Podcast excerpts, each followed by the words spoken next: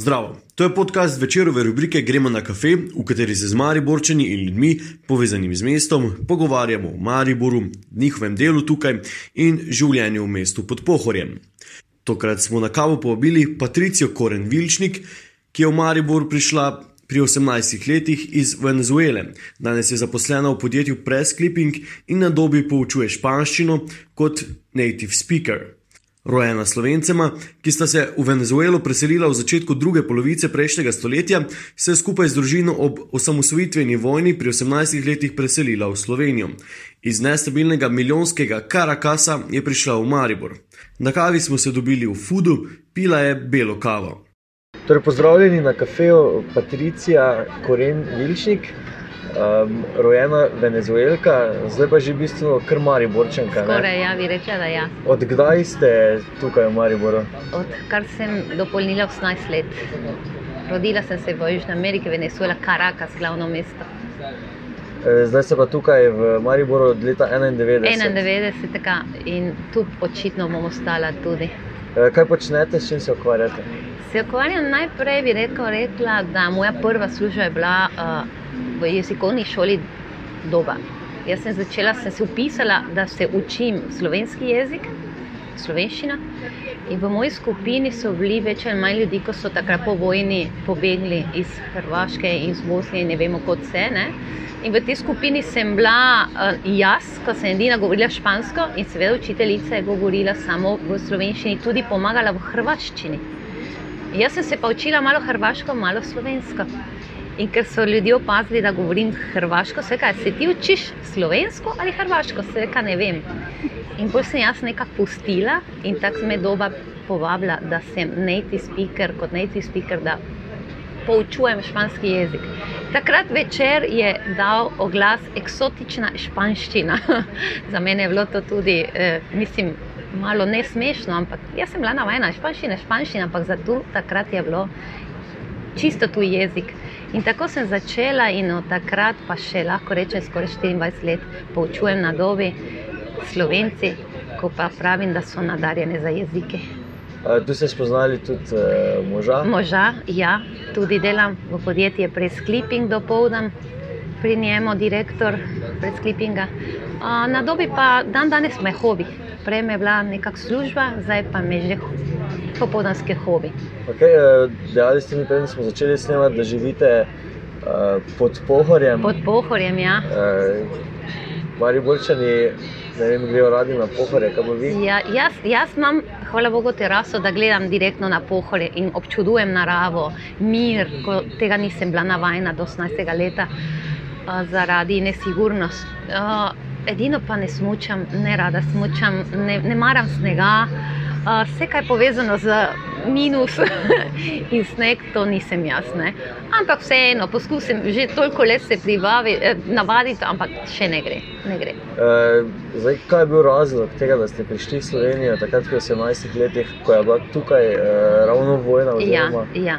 Tudi tukaj je bilo stanje Točno. nemirno, pa prihajate iz območja. Pa smo prihajali tudi ravno od tega da Venezuela takrat je doživela leta 90, ko je državni udar. Ne bi rekla prav državni udar, ampak eh, moji starši so oba sta se tu rodila. In ko sta bila stara 19-20 let, sta šla v Karakasa za dve leti, mogoče ne sta rekla. Takrat je to ratalo, mislim, uspelo 30 let. Seveda, ko smo se vrnili sem, vsi smo bili kot tujci, mi nismo imeli navado doma, da bi se pogovarjali v slovenščini, nikoli kul, slovenska kultura tega ni obstajala. Ne? Tako da mama Ata sta živela 30 let in pol je zaradi te inflacije Venezuela doživela kar neke, bi rekla, politične probleme. In dejansko moče čuto, da, da nekako je treba pobegniti. Ne? In uh, smo prišli s tem poskusiti. Povejte. Eno belo kavo, prosim. Jaz bi pa kavo z nekom, prosim. Uh, zdaj, rekli ste, da ste prišli iz nemirnega območja v Slovenijo. Kaj ste si takrat mislili, ko ste prihajali v Slovenijo? Rekli ste v domovino vaših staršev? Ja, jaz sem prišla in samo sem stala v, na glavnem trgu, pa sem rekla, da je to to, to je Maribor, glede na to, da sem prihajala v glavno mesto, 9 milijonsko mesto in toliko ljudi. E, najprej sem se seveda jokala, ampak m, skozi čas sem rekla, da, da sem se mislila, saj se moram navaditi.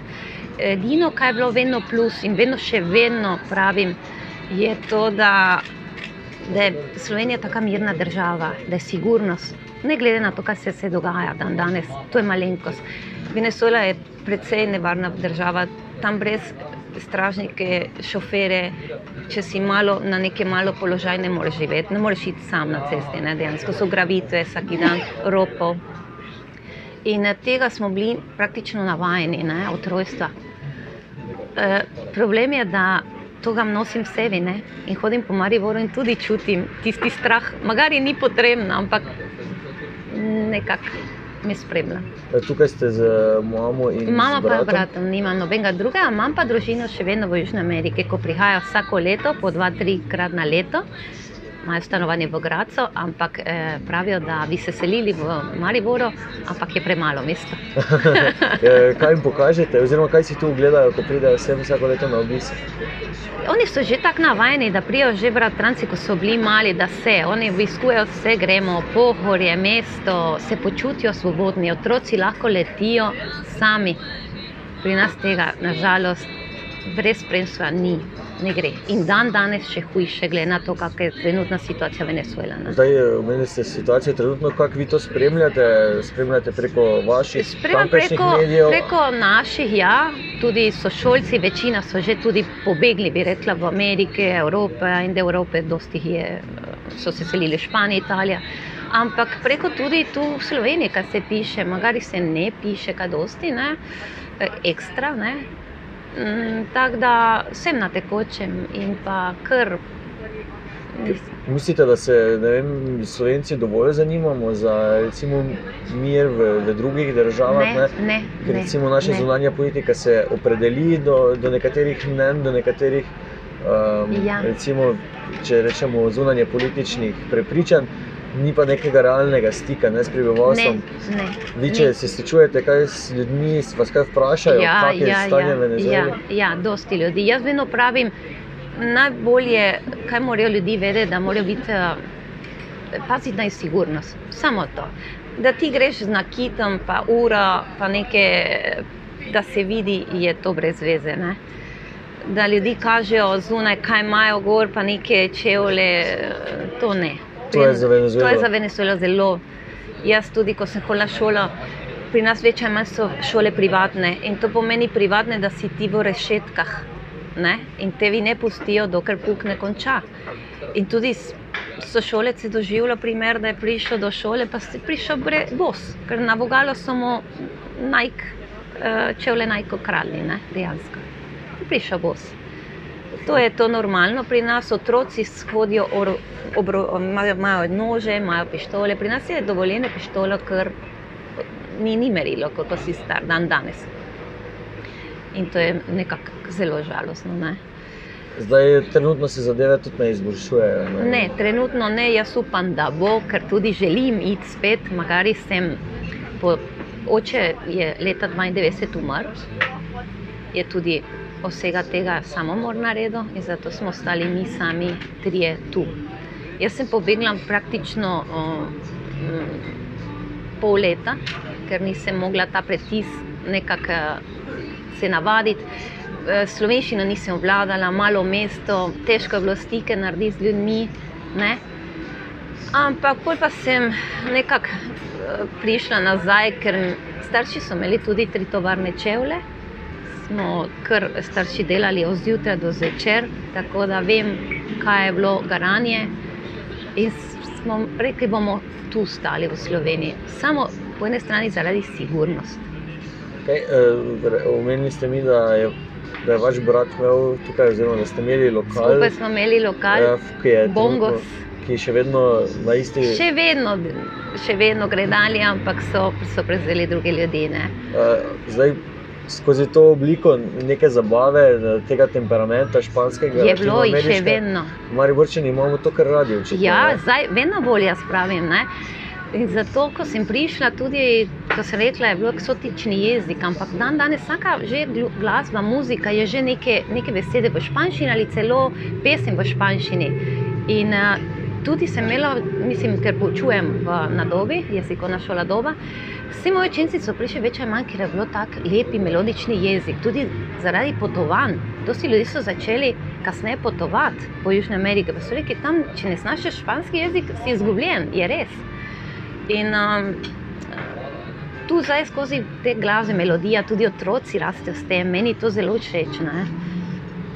Torej, uh, smo kar nekako talentirani tudi za ta jezik. Jaz pravim za, za španščino, definitivno. Jaz sem imela sigurno preko tisoč učencev in pravim, da so zalentirani. Zakaj? Ker mogoče slovenščina je tak, ta, toliko težji, težek jezik. Ne? Jaz sama vem, kak je. Jaz sem se ga sama učila med, med ljudmi, te napake me spremljajo. Sem dvojezično seva vsak dan, ne? z mamo, z bratom v španščini, s črko, z možem, pač, ker razume, ampak vseeno v slovenščini ne? in to krožimo. Tako da je Okay, Kako zdaj spremljate um, te uh, slovence, ki bi se radi iz, iz Venezuele moče vrnili v Slovenijo, Ja, oziroma prišli ja. v Slovenijo za čas vse čas. te trenutka, da se Razumem, se zavedam, kaki, kakšen velik korak je to, ker sama sem doživela pustiti eh, prijatelji, um, domovino. Ker jaz pravim, tam, ko se rodiš, tam, tam, od tam si. Ne?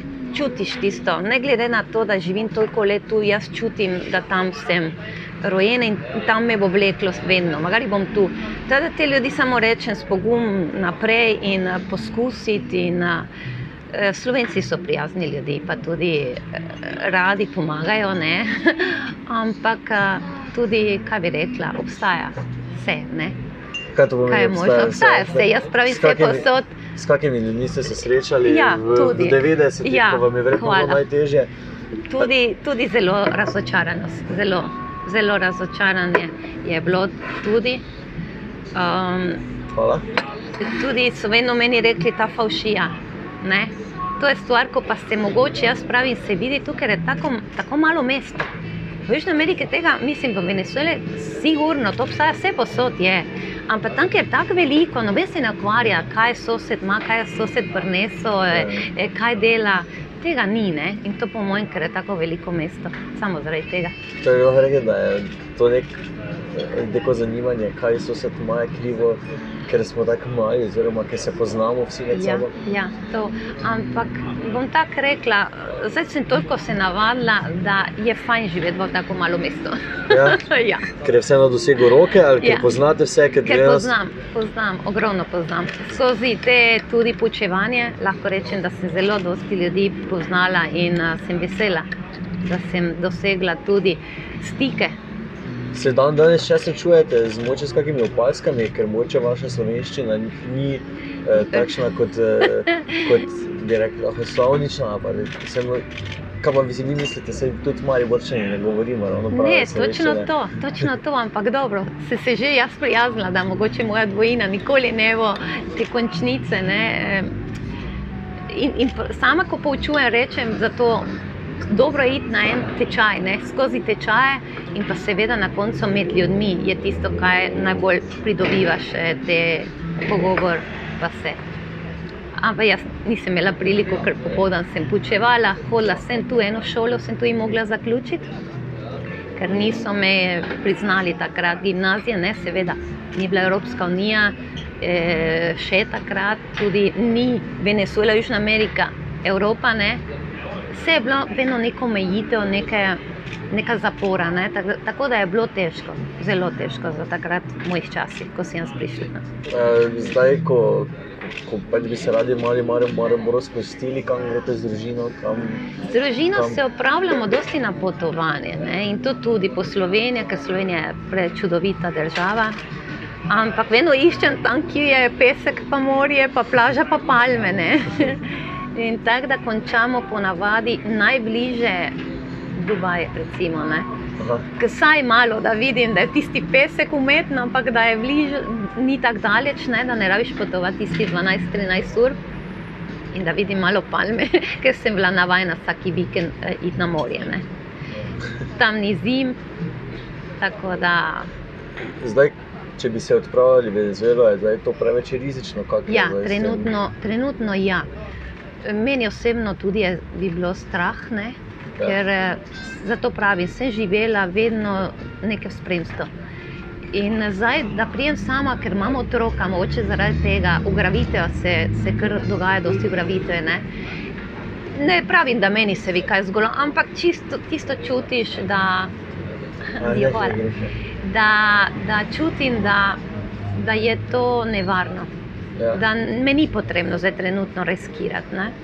Ampak ne vem, če poznate situacijo tam. Mm. Uh, v koliko času se zadeve mislijo urediti, kako kak zadeve sploh potekajo? Vprašanje je, glede na to, da tako dolgo, toliko let se že to dogaja. Ne? Tako da upam, da čez eno leto, dve leti, jaz pravim, upam, da bi bilo boljše, da se bi kaj uredilo. Ne? Zdaj, vi ste v Slovenijo torej prišli v začetku 90-ih, ko se je ta um, v bistvu. Se je končal nek drug režim, v Ja. Sloveniji pa se je začela tranzicija oziroma prehod v, Ja. v demokracijo. Ne? sem blih prihajala tisto razliko, ko bi rekla Venezuela, ko je bila. In dobro, še vedno je bogata država, kar se tiče nafte, ampak bogata država, ker je bilo vsega preveč. Priješ v Slovenijo in takrat tista sprememba, ko dejansko trgovine ni, ni bilo kaj dosti, vse je bilo omejeno, bi rekla, ni bilo uh, toliko produktov, kaj dan danes imamo, pa dobimo, danes je vsega preveč, jaz pravim. Mi je bilo tudi zelo zanimivo, da ljudje so šli po riž v Avstrijo, ne pa čokolade. E, sem mislila, a- ali je res tako revno, ali res ni. In te razlike sem zelo čutila, bi rekla, zelo močno. Ampak sem skozi leta sprejela, pa me je bilo vedno fascinantno, da sem rekla, wow, Venezuela, eh, pa če, pardon, Slovenija napreduje, gre naprej, eh, država, ko se bori, ko vedno večje stvari so prihajale tudi eh, tujci dejansko. Uh, tudi Slovenci so se potrudili, da so več trgovine, ne vem, na marsikaj. Ne? In dan danes Slovenija lahko rečem, da je konkretna država. Nas nič ne manjka, vsega je po eni strani preveč. Ne? Zdaj, za razliko od Venezuele, kjer so se stvari pač obrnile Ja, ja, in zdaj pa lahko rečemo, da Venezuela je tista, ko pa časi ni hrane, časi ni uh, olje, ni, en čas ni bilo toaletni papir za dobiti, in to je žalostno. Ne? Imeli ste prej že potovanja, ne? Re- rekli ste, da ste šli za vikend na morje. Tudi, v za, Venezueli, ja. kam ste vse še hodili? Ne? tudi smo hodili za recimo podaljšan vikend, eh, Miami, Florida, Tampa, Disney, Disneylandija, ne? ker, je- ker tudi so znali reči, aha. eh, Pridejo iz Venezuele, recimo, te ljudi so imeli priliko, kupiš dve stvari, dobiš eno za stojn. Ja. S tem je bilo, dan danes pa je to drugače, več pa ni. Eh, mislim, ne moreš kar tak priti. Rekli ste, da ste hodili vi v, v Miami, Ja. tako da bi mi šli v Avstrijo. Točno to. In tudi smo se počutili fajn, ker tam, bilo kam smo prišli, je bila španščina tudi. ne. Ja. Praktično smo rekli, gremo vaditi angliški jezik, ampak se pa so se dalo s španščino se pogovarjati ne, in, in kupiti in, in vprašati se, kaj je. No, dan danes zaradi um, nesigurnosti v Venezueli in zaradi um, protimigranske politike Trumpa Ja. to ni mogoče. Ne, ni več. Mislim, da vedno, nekako vedno manj. Ne. Bomo videli, kako dolgo pač. Okay, zdaj, um, toliko let ste že Mariborčanka, vseeno, da že čutite ta neki mariborski utrip. Ja. Dejali ste, da, da zadeve napredu, napredujejo. Slovenija je za vas, revne države, postala močna država, ki ima preveč stvari. Kaj bi še lahko rekli o Mariboru? Je Maribor tudi napredoval v teh Zelo, letih? zelo, Zdaj zelo. vmes je bila kriza, um, Ja. v Mariboru so se dogajale vstaje, je bilo nekaj nesigurnosti, tudi, uh, Tudi, veliko samo brezposelnih ljudi. Jaz pravim, da to je vse normalno, ker, ker je postaja svet tako, pa tudi kaj spremljamo po televiziji. Um, dan danes je že mediji kaže, kaže vse, ne? Ampak vseeno, Maribor, to, kar se dogaja, za mene so male stvari. Mogoče za tu m, ljudi niso navajeni, ampak je en del življenja. Ne? Zdaj, če se si vi želite še v Mariboru, eh, če pravite, da je vsega gore več, kaj Mislim, pa rekli ste, da je premalo mesto tudi. Ne? premalo mesto, ampak sem se že navadila, ker je mogoče boljše, da je malo, da pa preveliko, preveče. Uh, Malo počakala, da